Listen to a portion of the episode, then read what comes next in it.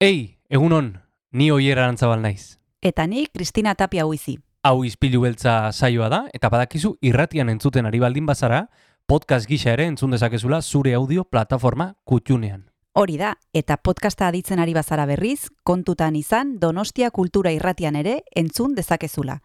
FM eundazazpi puntu lau frekuentzian. Sare sozialetan ere topatuko gaituzu noski, izpilu beltza bilatuta, Instagram, Facebook eta Twitterren. Besterik gabe, guazen gaurko saioarekin. Az gaitezen,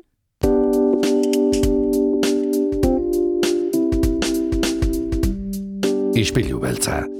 Donostiako kulturaren berri, Oyer Arantzabal eta Kristina Tapia buizirekin. Egun honen zule osteguna da, ustailako goita sortzi ditu, eta Donostia kultura irratea entzuten ari zara, izpilu beltzean gaude. Eta izpilu beltzaren parean gaude, Kristina eta biok, egunon, Kristina. egunon, zer moduz oier? Primeran, primeran, e, izpiluaren aurrean, e, ez da, nik ez dut e, operazio bikinik egin, baina, baina egia esan, bueno, ba, ba udak ondo sentatzen dit. Bai, ez da, bueno, Bai. ja, jabete bat e, udan garamatza, baina orain gure oporrak hasiko dira. Gure oporrak hasiko dira, eta egia esan, izpiluari donostia ere oso oso eder geratzen ari zaio, kulturari begira, kulturaren esparruan, gaur e, aktore batekin hitz egin behar dugu. Bai, gaur konbidatu dugu Cristina Picos, el médico e, musikalarekin etorriko baita besteak beste Victoria Eugenia Antzokira, eta buztuaren amaikatik amalaur arte ikusteko aukera izango dugu, eta guk konbidatu dugu aktore hau, eta kontatuko digu ze zaila den antzestea, kantatzea, aldi berean, eta bueno, emango dizkigu klabe batzuk interesgarria. Oso interesgarria, el mediko antzes lana, e, abuztuak amaikatik amalaura bitartean, e, Vitorio Eugenia Antzokian ikusgai izango dena, eta gainera, sinema ere izango dugu ostegunero bezala, Josemi Beltranekin. Bai, badekizue ostegunetan Josemi Beltran Donostia Kulturako Zine Unitatearen zuzendaria gonbidatzen dugula, zinemaren inguruan hitz egiteko, eta gaur ere saio interesgarria ekarriko du. Bueno, hori guztia eta Jon Gartziaren musika, gaurko saio azteko, guazen. Guazen.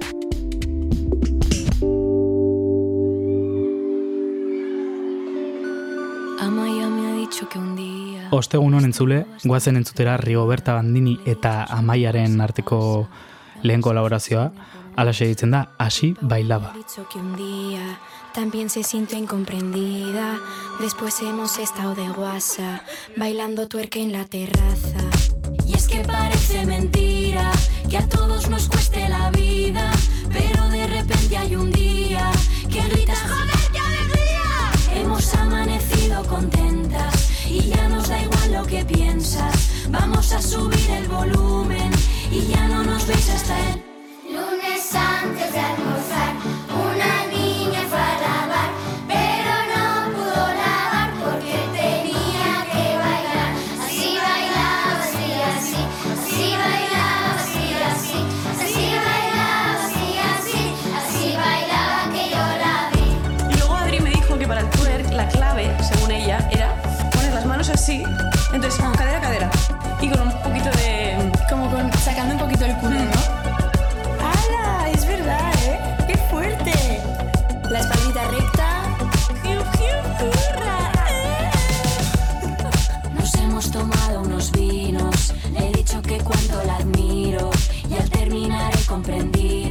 que es que es todo tan relativo. Hemos amanecido contentas y ya nos da igual lo que piensas. Vamos a subir el volumen y ya no nos veis hasta el martes antes de almorzar.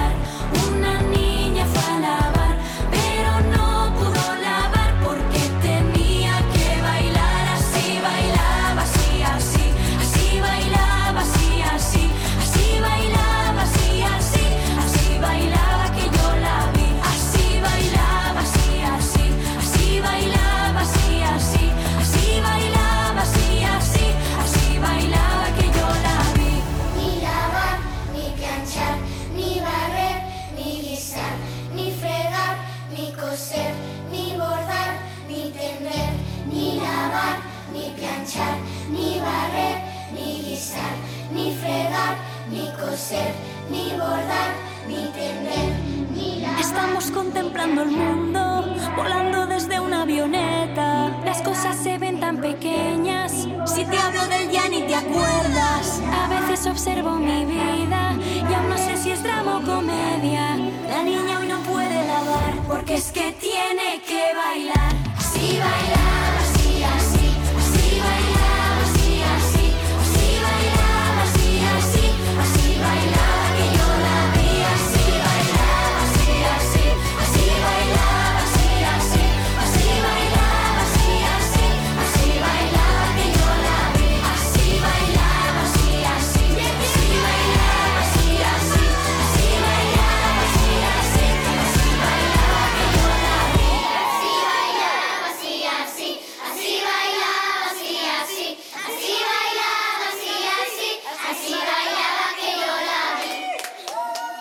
Gaur musikal baten inguruan arituko gara izpilu beltzan, el médico ikusteko aukera izango dugu Victoria Eugenia Antzokian abuztuaren amaikatik amalaur arte, eta amala, amalauean emanaldi bikoitza egongo da, eta guk Donostia Kultura irratira, Cristina Picos, aktorea gonbidatu dugu.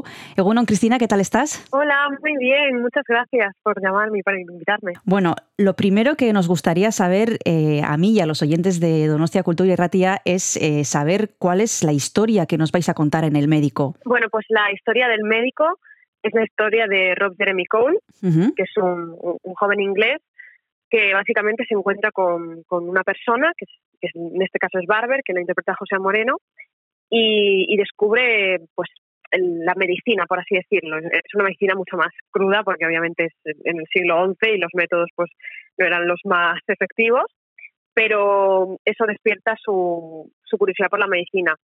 Mientras tanto, lo que le pasa es que tiene, descubre que tiene un don. Entonces, en, en ese don lo que consiste es que puede predecir cuando alguien se va a morir. Esto es lo que hace que quiera aumentar sus conocimientos y entonces hace un viaje hasta Persia para poder estudiar en la escuela de medicina con uno de los médicos más conocidos que era Avicena. Y en el medio de este viaje, pues, pues va cruzando el desierto, se encuentra con mi personaje que es Mary, hay conflictos y bueno, pasan cosas que tendréis que venir a verlas si queréis saber. Hablabas del protagonista de Rob Cole, eh, una persona que ya en el siglo XI eh, descubre que tiene un don y que se interesa por la medicina. ¿Cómo describirías a, a- a esta persona que tiene la valentía de, de empezar un viaje para, para ampliar sus conocimientos? Bueno, pues realmente creo que como personaje mm, no le queda otra opción, porque al final es un personaje muy, muy fuerte, con mucha curiosidad, muy, muy, que ha tenido que pasar por momentos muy complicados de su vida. Ver, bueno, ya veréis lo que pasa, pero le pasan sucesos muy traumáticos desde muy pequeño, donde tiene que afrontar cosas muy duras. Entonces creo que eso le, le curte como, como persona y como personaje para realizar ese viaje y tener como la valentía para poder afrontar todo lo que le todo lo que le viene. Y Cristina, ¿qué nos puedes contar de tu personaje, de Mary? ¿Qué papel juega en esta historia? Bueno, pues juega un papel muy importante porque al final pues tiene también mucho peso en la obra, hace que Rob tome una decisión u otra que es como vital para que se desarrolle el curso de la historia y, y mi personaje como tal eh, es bueno una mujer en el siglo XI que era muy complejo, pero Hmm. dentro de esto nuestro director Ignacio Vidal ha querido darle como un, un rol un poco más, más fuerte, más, más potente, como de mujer un poco empoderada dentro de lo que se puede hacer en el siglo XI. Entonces es, es, es muy interesante también como poder interpretarlo y tiene también un viaje emocional muy fuerte, muy bonito y, y muy duro también. Y Cristina, cuando a ti te proponen eh, ciertos trabajos, como es el caso de el médico, ¿qué valoras eh, en el papel que te, que te encomiendan? ¿Qué, qué, qué características tiene que tener el trabajo para que uno diga que sí? A ver, creo que, o sea, realmente las, las características que tiene que tener el trabajo es que te, que te guste el proyecto, Mm, o sea, que el proyecto en sí te, te motive, que, que para mí, por ejemplo, es muy importante que haya una buena dirección, que el, personaje se pueda trabajar. A mí me gusta mucho el musical, entonces para mí es un puntazo. La música de Iván Macías es una maravilla, entonces yo la disfruto muchísimo. Entonces para mí como todos esos puntos son como, como muy importantes a la hora de tomar la decisión. Y mm, además del viaje de, de Rob y de todo lo que le ocurre para llegar a- al destino al que él quiere llegar, habláis también de un momento histórico en el que existe pues un conflicto entre las religiones eh, cristiana, judía y musulmana, y eso también es interesante de, de mostrar, ¿no? Sí, es muy interesante porque, claro, como hay el, el conflicto real es que en, en la escuela de medicina no toleran a, a los cristianos, o sea, no, no les permiten entrar, y a los judíos, pues más o menos les toleran, entonces, claro, tiene que fingir estar en otra religión para que pueda estudiar ahí, que no se den cuenta, o sea, es- la verdad es que es un- una cosa muy complicada y además es muy interesante verlo en escena y ver cómo, cómo se desarrolla todo ese momento, es brutal.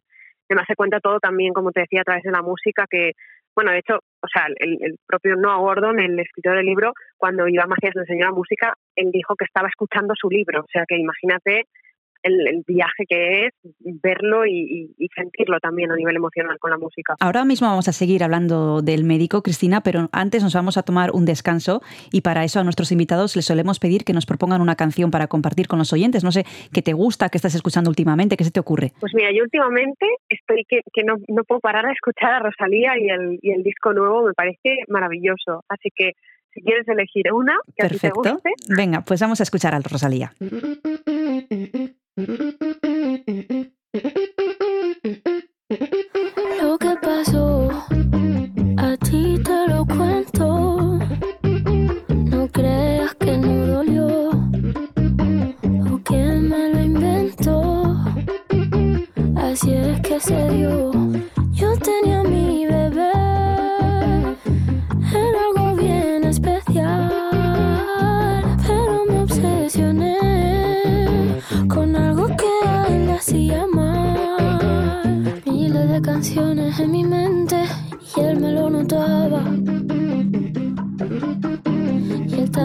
veces que me lo decía, yo como si nada.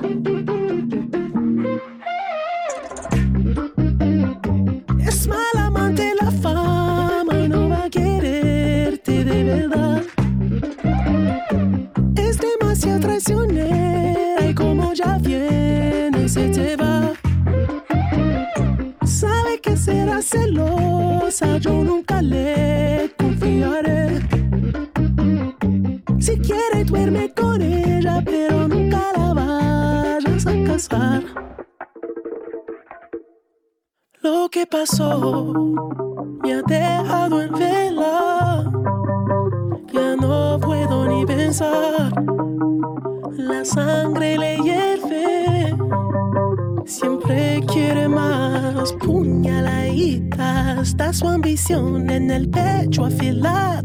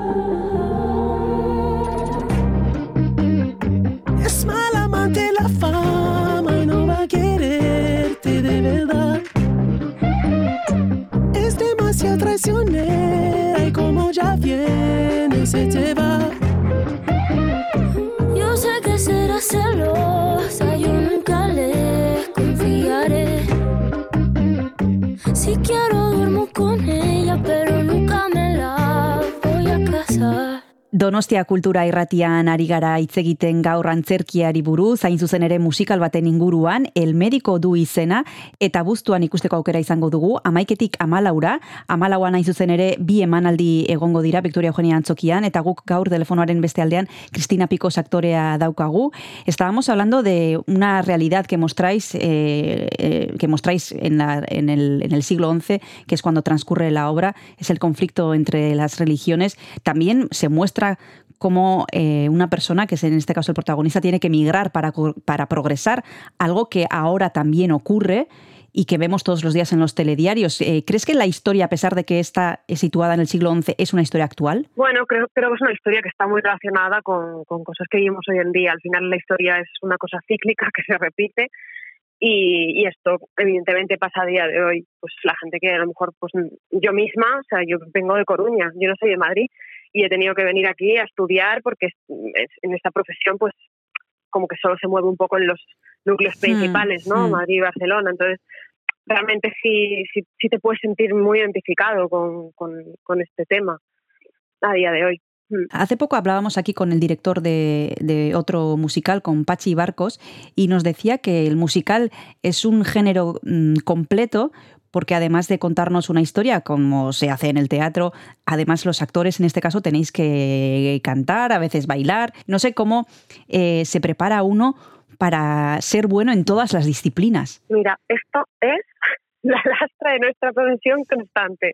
O sea, creo que realmente lo que yo he aprendido en esa profesión es que no te dejas de formar nunca. Ajá. Porque igual que, o sea, yo te voy a poner como el ejemplo de los atletas, Mm. esto pasa un poco i- igual cuando para de repente de entrenar dos semanas y Hmm. dice, eh, ¿qué me pasa en los músculos? Bueno, pues con esto es igual. El- la garganta es un músculo, mm, yo tengo que cantar todos los días. O sea, yo me levanto y estoy cantando. Entonces, claro, al final tú tienes que entrenar cada día, tienes que cuidarte muchísimo porque requiere mucha responsabilidad el poder eh, hacer pues a a veces dobletes, hacer cada día la función al 100%, no solo energía a nivel vocal, a nivel interpretativo y como tú decías, a nivel danza, ¿sabes? Entonces al final es una formación constante de, de, de todas estas disciplinas que, que te hacen pues estar todo el rato activo y también es un trabajo muy sacrificado también Hmm. a nivel personal. ¿El público valora el musical? ¿Somos buenos espectadores de musical aquí? Yo creo que sí, cada vez más. O sea, yo, yo de verdad que cuando de repente veo al público, además, esto me, me, pasa mucho al final de las funciones, cuando de repente aparecen las luces y ves a la gente ya de pie, mucha gente con lágrimas en los ojos, es, es, es muy emocionante. Y además creo que la gente valora la- las cosas que están bien hechas, ¿sabes? Cuando hay algo que, que es que es bueno por, de por sí, porque el- hay gente buena que está dándolo todo, que, que está poniéndote emoción, que te está contando una historia a través de algo que, que, que emociona, la gente eso lo nota y lo ve y es que es súper gratificante para nosotros. Es, bueno, ¿qué te voy a contar? Sí, porque a veces cuando pensamos en los musicales, sí, pensamos pues en Londres, en Nueva York, pero es verdad que aquí también, eh, sobre todo en Madrid, eh, bueno, hay un hay una serie de teatros y hay una serie de público y una serie de personas que trabajáis en los musicales que se ha hecho un hueco también. No, no, es que es fascinante. Bueno, y en concreto, por ejemplo, en nuestra productora, Darío Regatieri, también tiene como un, un plus ahí de, de apostar también por el producto español, porque el médico es original en España. O sea, normalmente se, se exportan Sí, otros sí. musicales y se traen aquí, ¿sabes? Y en este caso, por ejemplo, toda la- todas las producciones que tenemos en, en Bion son, son propias, hechas con, en España, con talento español, con compositores españoles, con dirección española. Entonces, claro, eso es como una cosa como muy a valorar y a tener en cuenta, ¿sabes? De, de- de que apuesta- apuesten por esto es, es una maravilla, la verdad. Cristina, nos vamos a tomar el segundo descanso y ahora mismo vamos a continuar con la entrevista. Venga, perfecto. Yo creo que ahora te toca a ti escoger una canción. Eso es, eso es lo que voy a hacer ahora. Ahora seguimos. por ti, tú por mí, yo por ti, tú por mí, yo por ti, tú por mí. Yo por ti, tú por mí, yo por ti, tú por mí, yo por ti, tú por mí. Póngalo grillete. Colgando del cuello los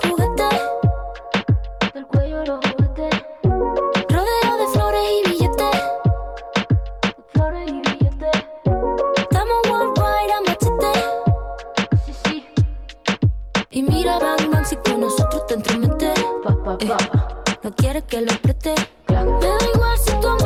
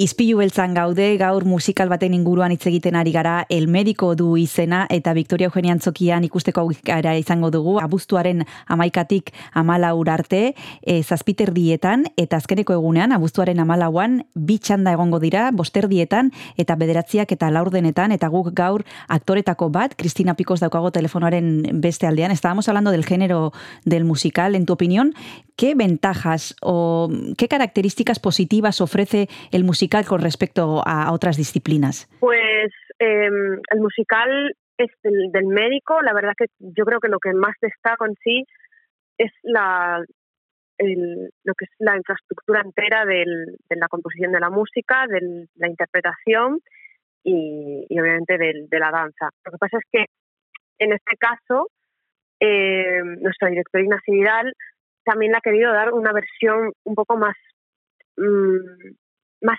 más con más verdad. O sea, es, es más eh, real al libro, o sea, más fiel al libro, perdón. Y, y también, pues claro, el libro no es una historia pues, de Disney, ¿no? Es una historia dura donde hay muerte, donde hay, bueno, también hay risa, también hay momentos bonitos, pero, pero se cuenta un poco todo como más fiel a, a la vida, ¿sabes? Al, a lo que vemos en el día a día, a la- al viaje emocional de cada personaje, o sea, cada personaje se mueve por algo y para algo, entonces eso se ve mucho en escena y en, y en la obra en general. Algo me has comentado anteriormente, Cristina, pero ¿cómo está siendo la acogida de este trabajo en los sitios donde habéis estado y donde habéis tenido ocasión de presentarlo? Pues ha sido increíble, Hmm. la verdad. Yo es que no me esperaba tan, tan buena acogida, o sea, bueno, sí me la esperaba, pero verla es como que te impacta. O sea, de repente, ver, ya te digo, es que creo que no ha habido ni una sola función de las, creo que llevamos 110, 112 funciones, de las que llevamos, que no se haya puesto el público de pie ni una sola vez. O sea, es muy fuerte. O sea, del todo, de ver, de acabar la función y de ver todo el teatro de pie, eso aplaudiendo, llorando, mm, felices, de que te escriben después para mm, darte la enhorabuena. Es que es, es, es muy bonito, es muy, muy fuerte y muy bonito. Hmm. Sí, porque hay una parte del trabajo, como decías tú, el, del trabajo bien hecho, que eso siempre, eh, Siempre va- gusta, eso siempre gusta y, y eso va eh, con uno y es que el teatro esté lleno o vacío, lo vas a hacer igual, pero luego está la otra parte, que es la recompensa que te otorga el público a través del aplauso, a través de un público en pie o a través de un público emocionado y después los mensajes que os pueden eh, llegar a transmitir y esa parte supongo que también reconforta mucho. Sí, o sea, realmente yo creo que esa es la parte que más, o sea, que donde, donde te das cuenta de que, de que es un buen producto y de que, es, y de que está muy bien hecho y de que, y de que realmente contamos todo desde el corazón, por así decirlo. Porque eso es que lo ve, la gente lo ve. Y además también tenemos la suerte de tener un elenco increíble. O sea, de verdad que no son, o sea, no, no estoy mm, diciendo palabras por palabras, sino Hmm. que lo pienso de verdad. Tenemos un equipo muy bueno, no solo a nivel profesional, sino a nivel personal. O sea, es que sería imposible convivir en una gira tantas horas con, con, con gente que no. Bueno, es difícil. O sea, es que es gente muy fácil de, de, de tratar, de hacer, cariñosa, buena persona. Y para, para mí eso es lo más importante en un proyecto, honestamente. Eh, sin embargo, Cristina, a pesar de la acogida que dices que estáis teniendo con el médico en los dos, más casi ya más de dos últimos años, nos ha tocado vivir una situación un tanto eh, bueno, dura en Sí. todos los sentidos, a pesar de, de que ahora parece que estamos saliendo del túnel y no sé cómo la habéis vivido eh, vosotros en la compañía y en concreto tú, cómo han sido estos 24 meses. Aquí hemos hablado con muchísimos artistas, directores, actores, actrices, cantantes. Para algunos ha sido un momento de parar, algo que les ha venido bien a determinadas personas porque llevaban un ritmo muy fuerte de trabajo. Otras personas, sin embargo, se han visto muy desubicadas, no han podido trabajar, no han podido crear tampoco. Y mm, no sé a vosotros cómo, cómo os ha afectado toda esta situación. Mira, yo, yo concretamente para mí ha sido, ha sido, o sea, pues parar ha sido guay, pero a nivel emocional, ¿sabes? Es verdad que a nivel laboral, pues se pararon cosas. Yo, gracias a, a eso, pues yo tenía como pequeños trabajos que podía hacer desde casa, porque también hago locuciones, entonces pues podía ir un poco picando como quien dice.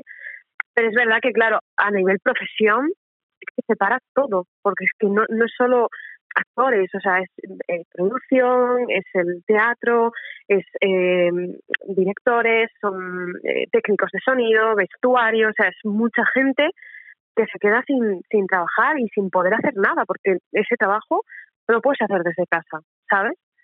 Entonces, claro, a nivel gestión es muy duro, pero también lo que dices tú, claro, hay gente que obviamente necesita el dinero y necesita trabajar, y hay otra gente que pues que se ha permitido pues, haber, pues, de poder ahorrar o, y de poder parar de verdad y decir, ostras, es que realmente estaba teniendo un trabajo prácticamente de 24/7 con, con esfuerzos mm, a veces sobrehumanos de llegar a todos lados, de claro, yo he tenido que eh, yo y mis compañeros hemos trabajado a veces veranos de lunes a domingo sin parar, ¿sabes? Sin tener ni un día de descanso, que sí, que es un trabajo que, que nos gusta, que tal, pero al final es, es trabajar igual. De repente te das cuenta de paras y dices, ostras, creo que no he tenido vacaciones en dos años, ¿sabes? Y claro, también el, el teatro musical, pues también es, es las producciones grandes, pues ahora empieza a haber muchas más, pero hasta que no hay, pues también es muy, muy complicado intentar, bueno, hacer varios trabajos y un poco ir compensando una cosa con otra, ¿sabes? Entonces, pues bueno, yo creo que este año ha sido duro para todos, en general. Sea, no solo nuestra profesión, sino para todas. Mm. Bueno, y ahora con el médico estáis eh, cosechando muchísimo éxito. De hecho, aquí a Donostia vais a venir varios días. Uno de ellos hacéis doblete. Yo no sé si tienes algún otro proyecto entre manos, algo que hayas preparado para este 2022. De momento estoy con el médico, Ujú. ahí aún nos queda mucha gira por delante y, y con muchísimas ganas de ir a Donostia. Además, yo estuve en el Victoria Eugenia también con otro espectáculo y increíble. ¿sabes? Que es, bueno, uno- para mí es el, el teatro más bonito que he visto en mi vida, vamos. De verdad te lo digo. Pues eh, te esperamos, Cristina Picos. eh, te veremos con el médico, te veremos, te escucharemos eh, con el médico. Muchas gracias. Eh, muchas gracias por haberte acercado a Donostia Cultura y Ratía y un abrazo muy grande. Muchas gracias. Un abrazo enorme para vosotros. Agur. Hasta luego. Flores de esta ciudad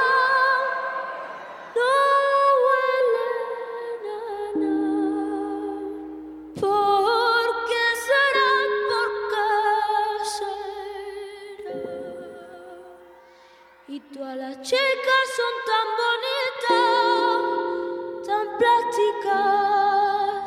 ¿Por qué será? ¿Por qué será? Flor de sakura, flor de sakura. Ser una popstar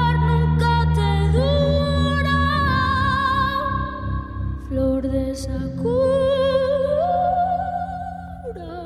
flor de sakura. No me da pena, me da ternura. No para siempre, pues ser una estrella y brillar. Vi a reírme cuando tenga ochenta y miré Nunca me ha dado miedo la risa de un loco. Más miedo me da el que miente o el que ríe poco. Si tienes 60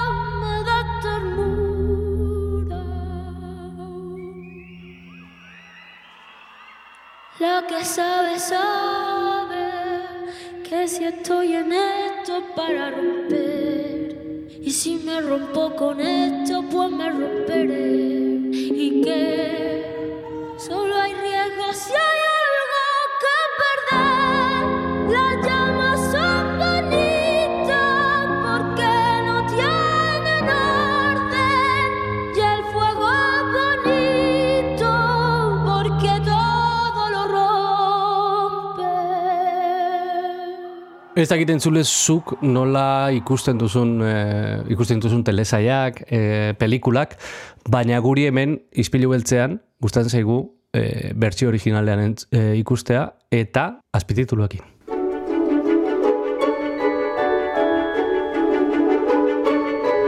Azpitituloak, subtitulos, Josemi Beltranekin. Eta azpitituluak aktibatzen ditugun aldiro, hemen agertzen zaigu mm, por arte de magia, esaten den bezala, Josemi Beltran, egunon. Bai, azpitituluak edo audio komentario esaten dena, ez da baita. Espero dut audio komentario hori oso astuna ez izatea. Ez, ez da, inolaz ere ez da astuna, gainera bestiren bat edo ekartzen diguzu, sekzio oso oso, oso divertigarria da ostegunero eukitzen duguna hemen. Eta beti zinema hitz egiten dugu, gainera gaur klasiko batekin.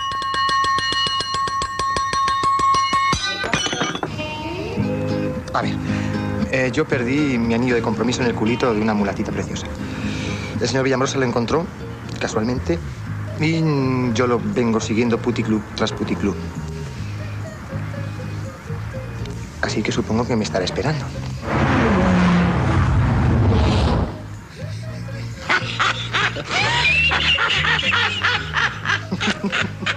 Klasiko bat, Josemi, e, e, agian ez da aipatu ere egin behar ze pelikula zari gara hitz egiten. Mm, bai, nork esango, nork esango luke, ez da? Klasiko hitza erabiltzea. Honekin, baina bai, hogeita, hogeita bost urte e, bete ditu dagoeneko Airbag, e, Bai. Euskal Filma, Joan Mabajo joak e, zuzenduta. Eta, bueno, duela gutxi ospatu zen gazteizen eki- ekitaldi bat, e, ba, hori, hori ospatzeko, e, baita, ba, Juan Mabajo joa zuzendariarekin, eta sola, sola saldi bat, eta, eta bitxia zen, nola, e, bueno, aretoan, ba, de, ba zegoen jendea, bueno, ikusita ez, ez eukana e, filma. Mhm. Hori ondo dago, beti, e, bueno, ba, denbora pasa dela. E, eta beste ba, mm, ba oso sale amorgatuak baita filmaren sale sale amorgatuak e, bueno, esperientzia berezia izan zen diretzat ikustea berriro pantaila handian filma.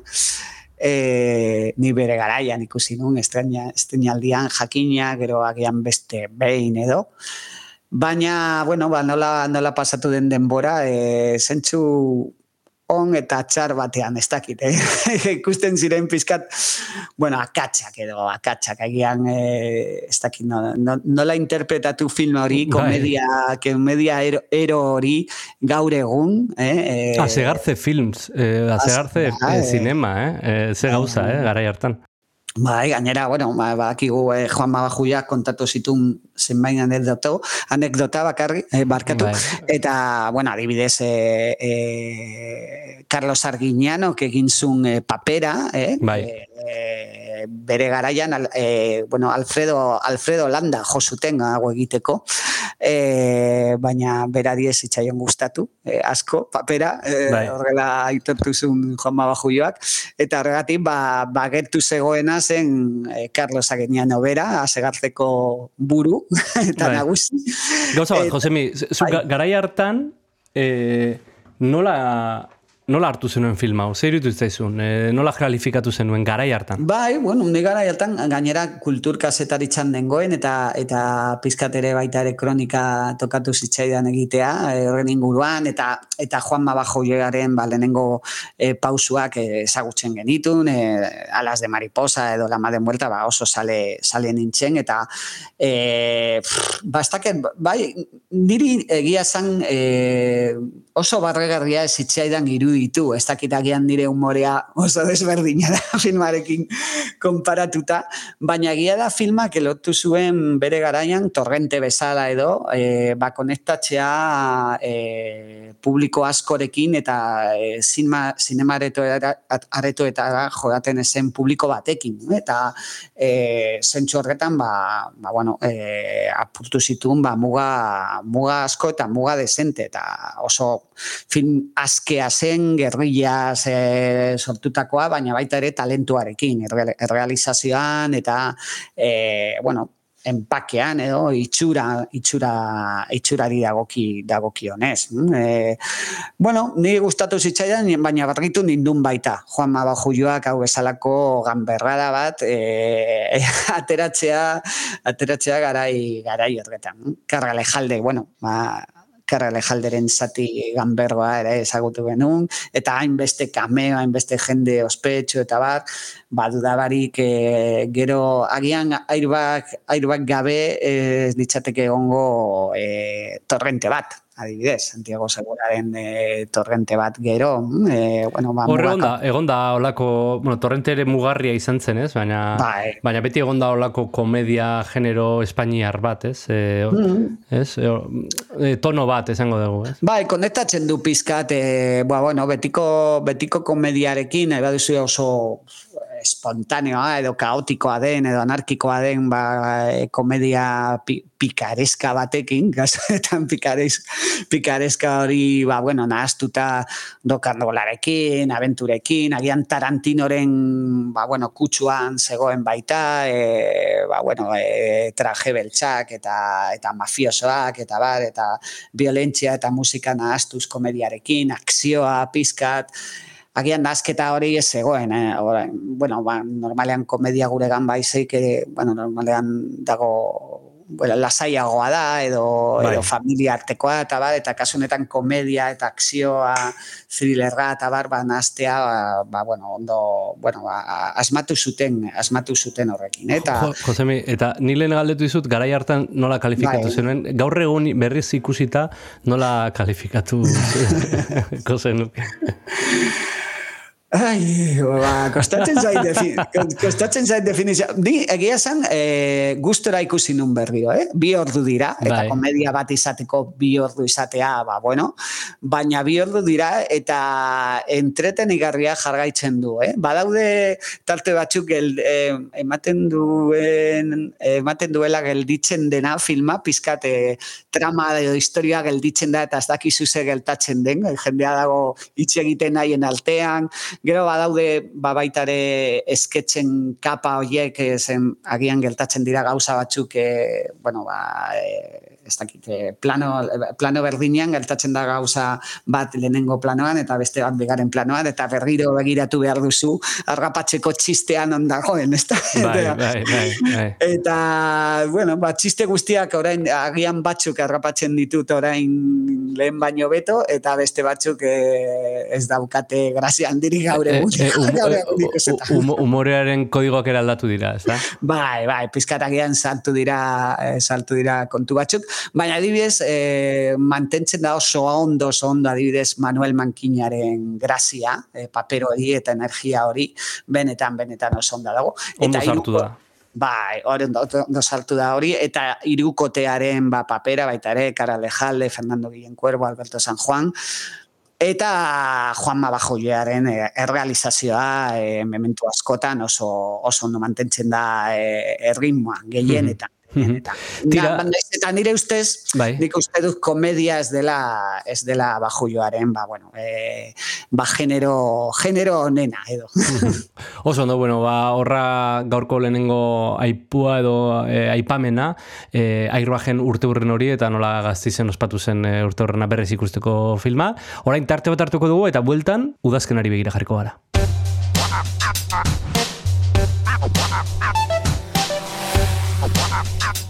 Donostia Kultura Irratia. Zabaldu gurekin Donostialdeko kulturaren leioa.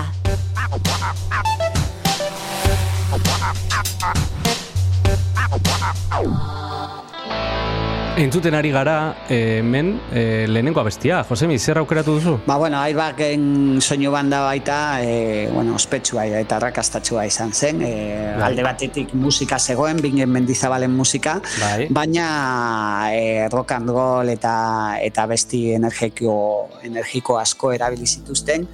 Eta Albert Pla zegoen, adibidez. hm? Bai, E, bai. Baita ere errepartoan eta Jo soy rebelde e, Albert Plak egindako ba, interpretazio hori aukeratu dut. Oso ondo, entzun dezagun eta segidan gara hemen udazkena ez egiteko prest.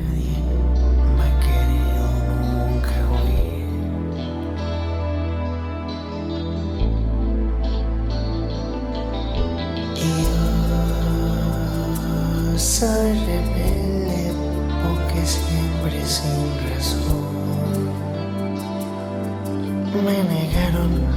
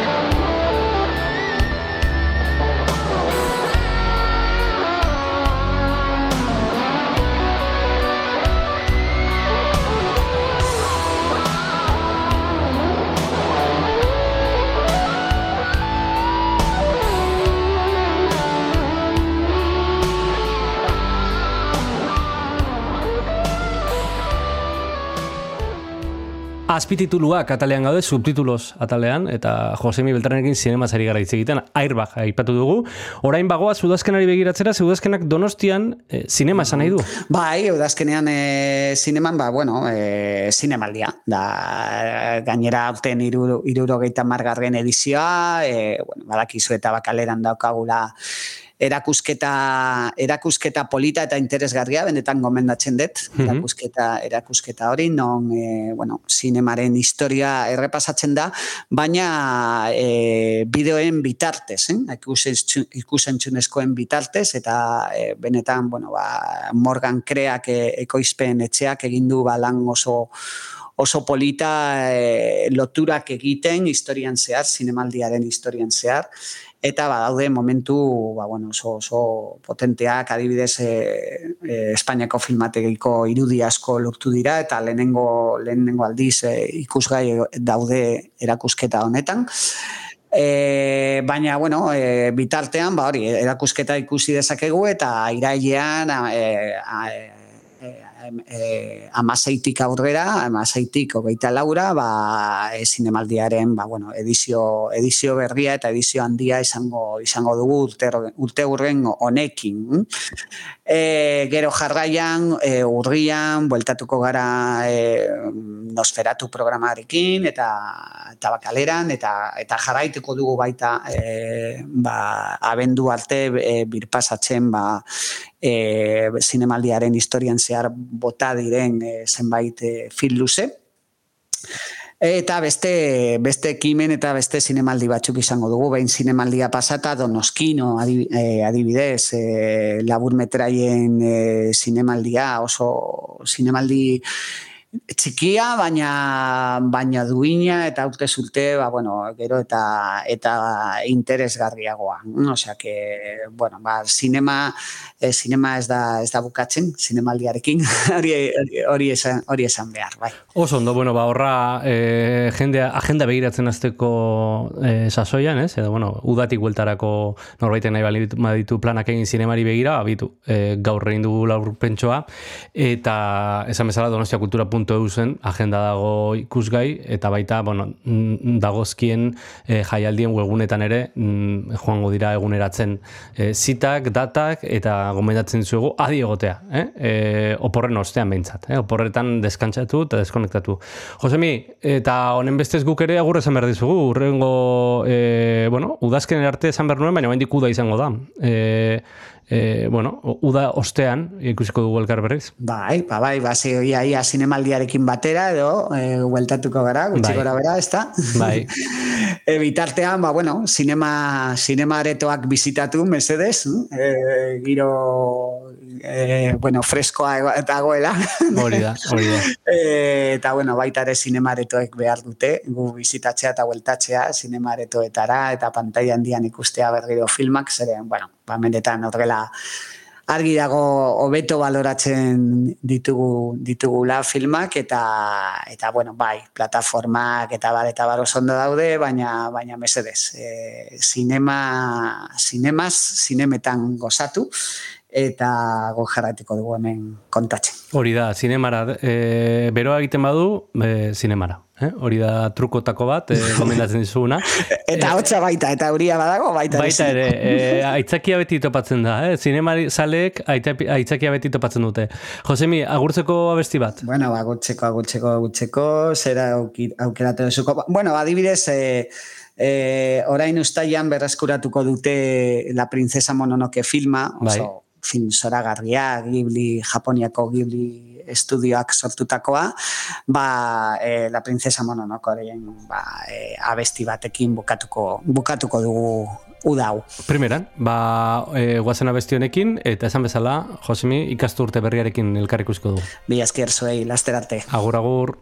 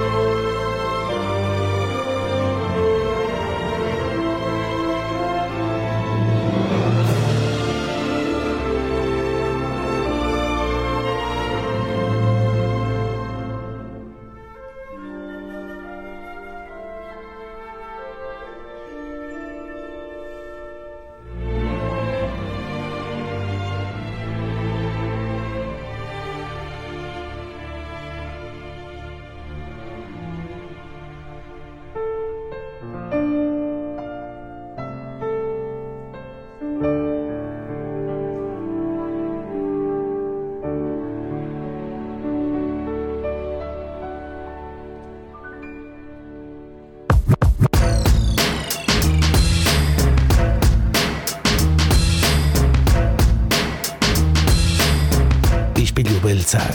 Donostiako kultur paisaiaren isla da Donostia Kultura Irratian eta zure audio plataforman Spotify, Apple Podcast, Google Podcast eta irratia.donostiakultura.eus webgunean.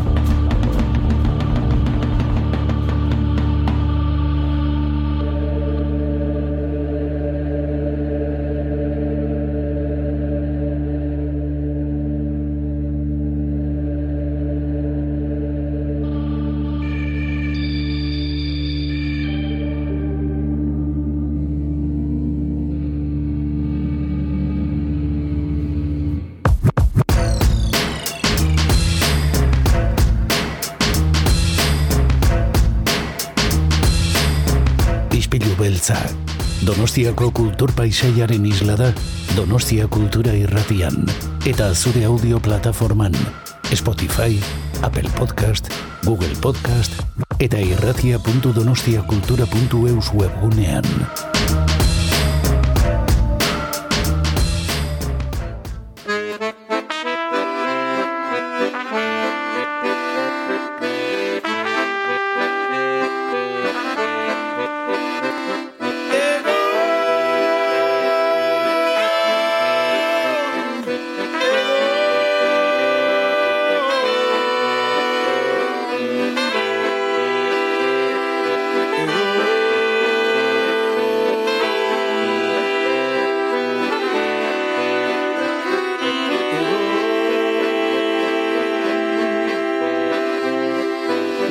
asko dago esan didate lagunek Ez zinalaiago Gure esku dago esan didate lagunek Ez zinalaiago Zer dago, zer dago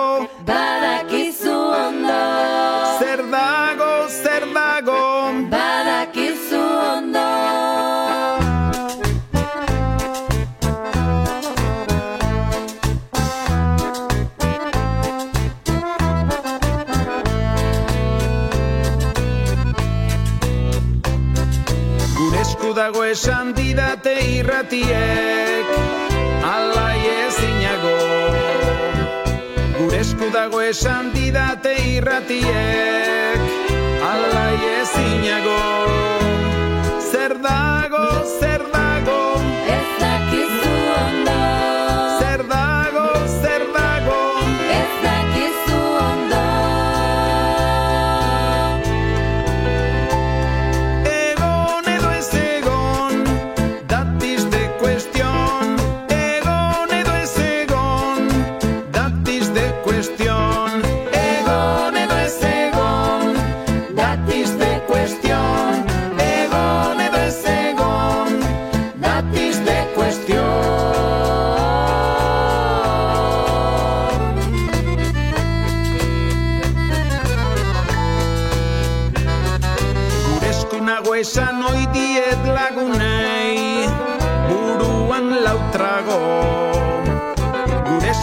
sun.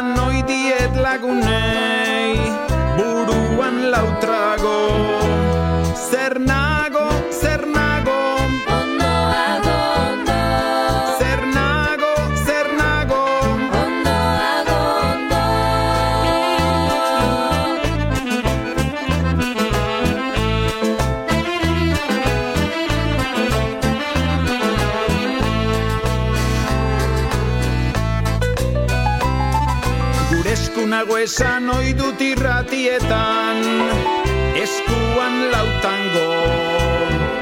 Gure esku esan oi dut irratietan.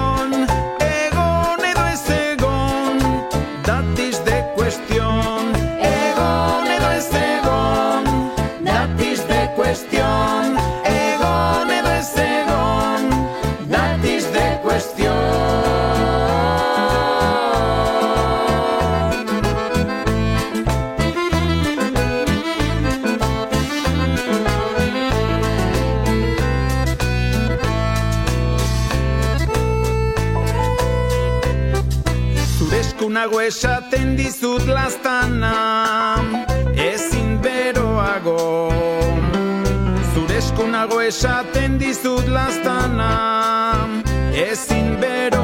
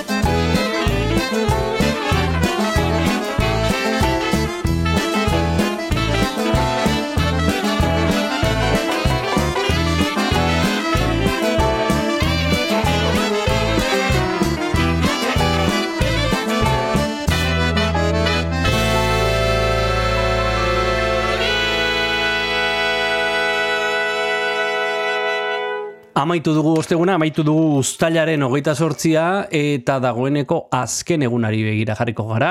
E, aurtengo ikasturtea itxiko duen egunari begira, ederra datorrena, baina aizu, e, gustora ez da, Kris? Ondo, ondo bukatuko dugu. Oso gustora, bueno, ni behintzat, eta zu ere bai, ez da? Bai, bai, bai, bai. Oso gustora egunero egunero entzulekin partekatzen, e, bueno, ba, kultur egitasmoa, kultur, kultura eta eta donostian gertatzen dena, ez? Saiatu gara alik eta fidelenak izaten zentzu horretan, eta aizu, ba, oporrak irabaziak. oso irabaziak. Oso irabaziak. Eta, o, eta oso, oso ongi etorriko zaizkigu oporrak, baina indarrarekin jarra, etorriko gara berriro irailean, eh? Indarrarekin etorriko gara, eta horre, bueno, e, a, a, amaitu baino lehen, esango dugu, e, biharko saioan, ohiko legez, itzengo dugula batetik liburuteitako jendearekin, eta bestetik, Maider Gorostegirekin. Bai, Maider Gorostegirekin hitz egingo dugu, bera kazetaria da Euskadi Irratian eta Radio Euskadin eta e, ikastaro bat eskaintzen du Donostia Kulturan ahotsarekin jolasean eta kontatuko digu zeintzuk diran gakoak ondo hitz egiteko jendearen aurrean eta problemarik gabe, lotxarik gabe eta gaizki pasatu gabe. Hori da, e, bueno, biharko ikastaroa hori izango da, ostiralero ikartzen dugu ikastaro bat, eta Maider Gorostegi gure, bueno, esango dugu kolega, e, Bai. e, kolegarekin hitz egiteko aukera izango dugu, eta liburutegietatik Ruben Bidal etorriko da, e, egiako liburutegiko ateak zabalduko dizkiguna, eta e, ba, komiki bat aipatuko digu, ez? Bai, Nimonari buruz hitz egingo digu, N.D. Stevensonek idatzitako eta marrazutako e, komikiaren inguruan, ikusiko zu ze interesgarria. Hori guztia bihar izango da, eta bitartean, e,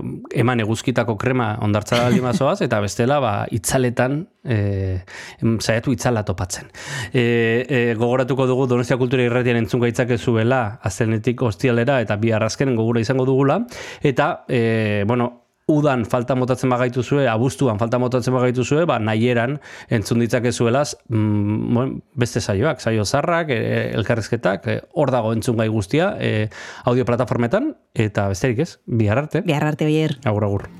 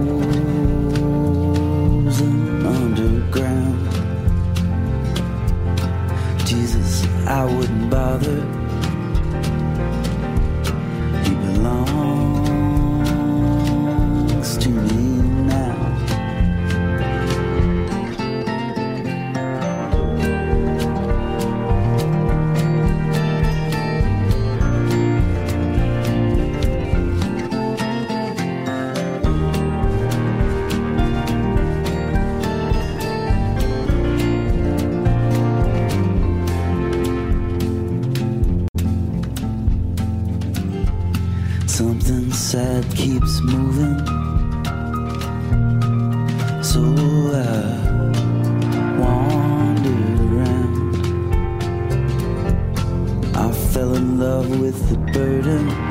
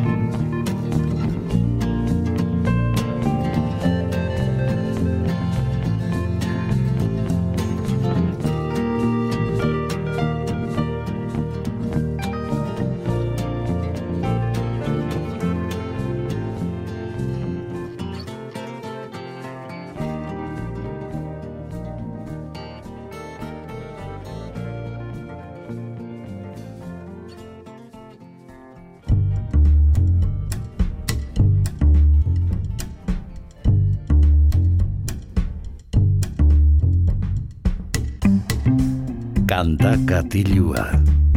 Jon Gartziaren eskutik. Kaixo entzule, ongietorri kantakatiura, aste honi amaira ematen ari gara izpilu beltzan, eta laizter oporrak eh, hartuko ditugu, eskertuko ditugu baita ere energia berriarekin eh, etortzeko iraian, baina oraingoz e, musika entzutera goaz, eta gaurko saioari amaiera emango diogu, hemen Donostia Kultura irratian, Igor Arzuaga laudiotarraren proiektu berriarekin, e, disko berriarekin, ekaitza ostean izeneko lana atera berri du, eta alaxe hasten da, larruzko boten poema kantuarekin.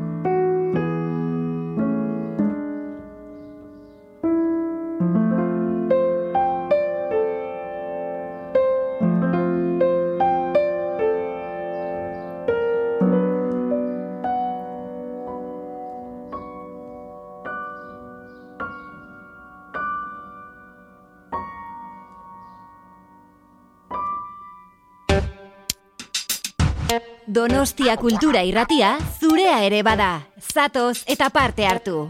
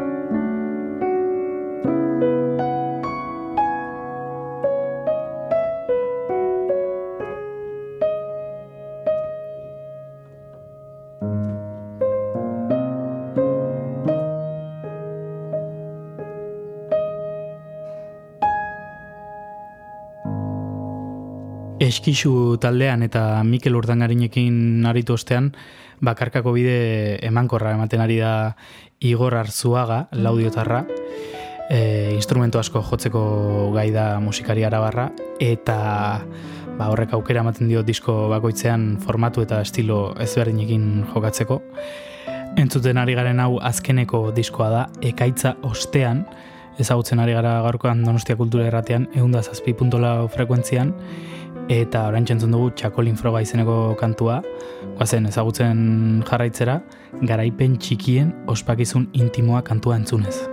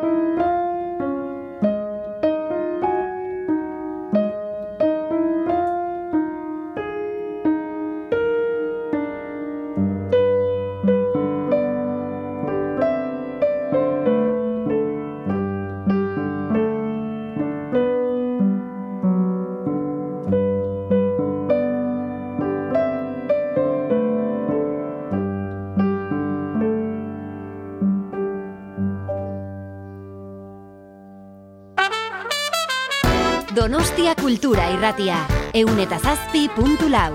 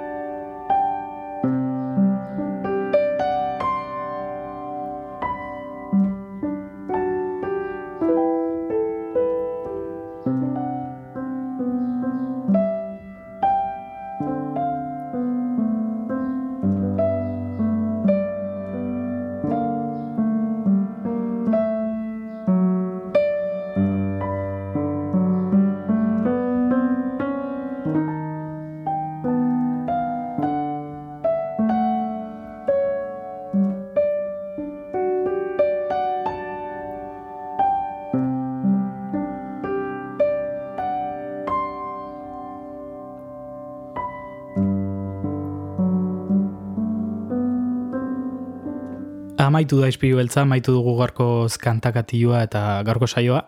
Eta entzun dugu Igor Arzuaga laudiotarraren disko berri eta ederra, ekaitza ostean izeneko lana. E, horri aldea pasatzen kantua entzun berri dugu eta amaituko dugu xaboi pompak izeneko kantu ederrarekin. Bihar arte utziko zaituztegu, bihar ostirala eta tira, bihar arte.